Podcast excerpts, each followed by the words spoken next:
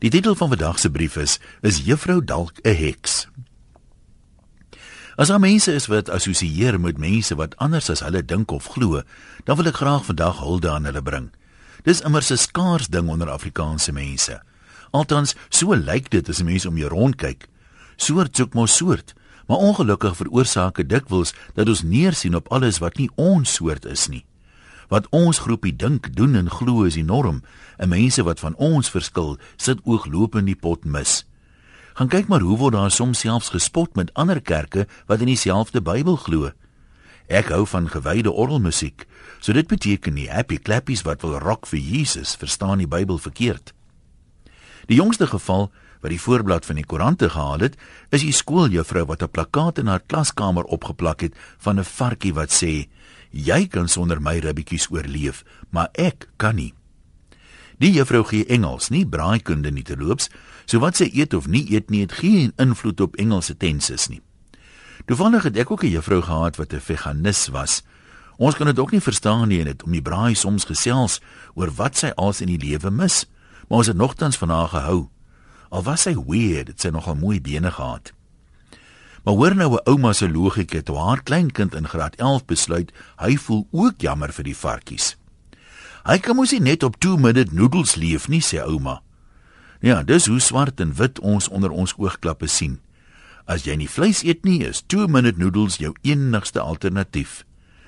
Amore, help tog die vrou met 'n child resep vir gekookte aardappels en gesnyde tomaties, dalk aangevul met 'n bietjie gerasperde wortel en afgerond met 'n sappige vrug. Nog 'n kind in die juffrou se klas het nie net ophou vleis eet nie, maar boonop sy rug op God gedraai.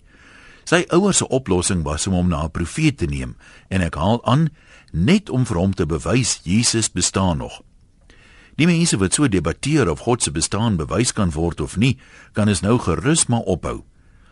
Daar's 'n nuwe debat wat antwoorde soek. Hoe beïnvloed dit mense geloof as jy ophou vleis eet? Dadelik wonder ek of daar wel Christelike vegetariërs is. 'n Mens behoort dit sonder 'n profeet te kan bewys. Al wat jy nodig het is 'n vegetariër wat bereid is om op te staan vir sy geloof. Aan die ander kant moet volgelinge van Tim Noakes se dieet dan sekere verdieping in hulle geloofslewe belewe. Hulle is seker die braaiers by die kerkbazaar. Ja, ek weet dis belaglik. Net so belaglik soos die abnormale goed wat by oog af normale mense soms kwytraak. Gelukkig daarom net teenoor mense wat anders glo as hulle. En hier praat ons nie van reg of verkeerd nie. Die vraag is nie of die ondenkbare kan gebeur dat hulle reg is en ons dalk verkeerd nie. Dis bloot 'n geval van ek gun jou jou eie opinie. Kom ons kom ooreen om te verskil.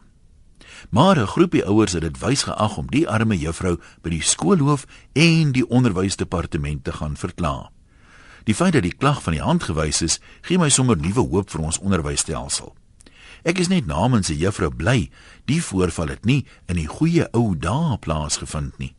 Dan kon sy maklik as heks verklaar gewees het en op die brandstapel gesterf het terwyl haar aanklaers haleluja liedjies sing ter viering van die feit dat geregtigheid weer geseëvier het. Groete van braai tot braai, anoniem.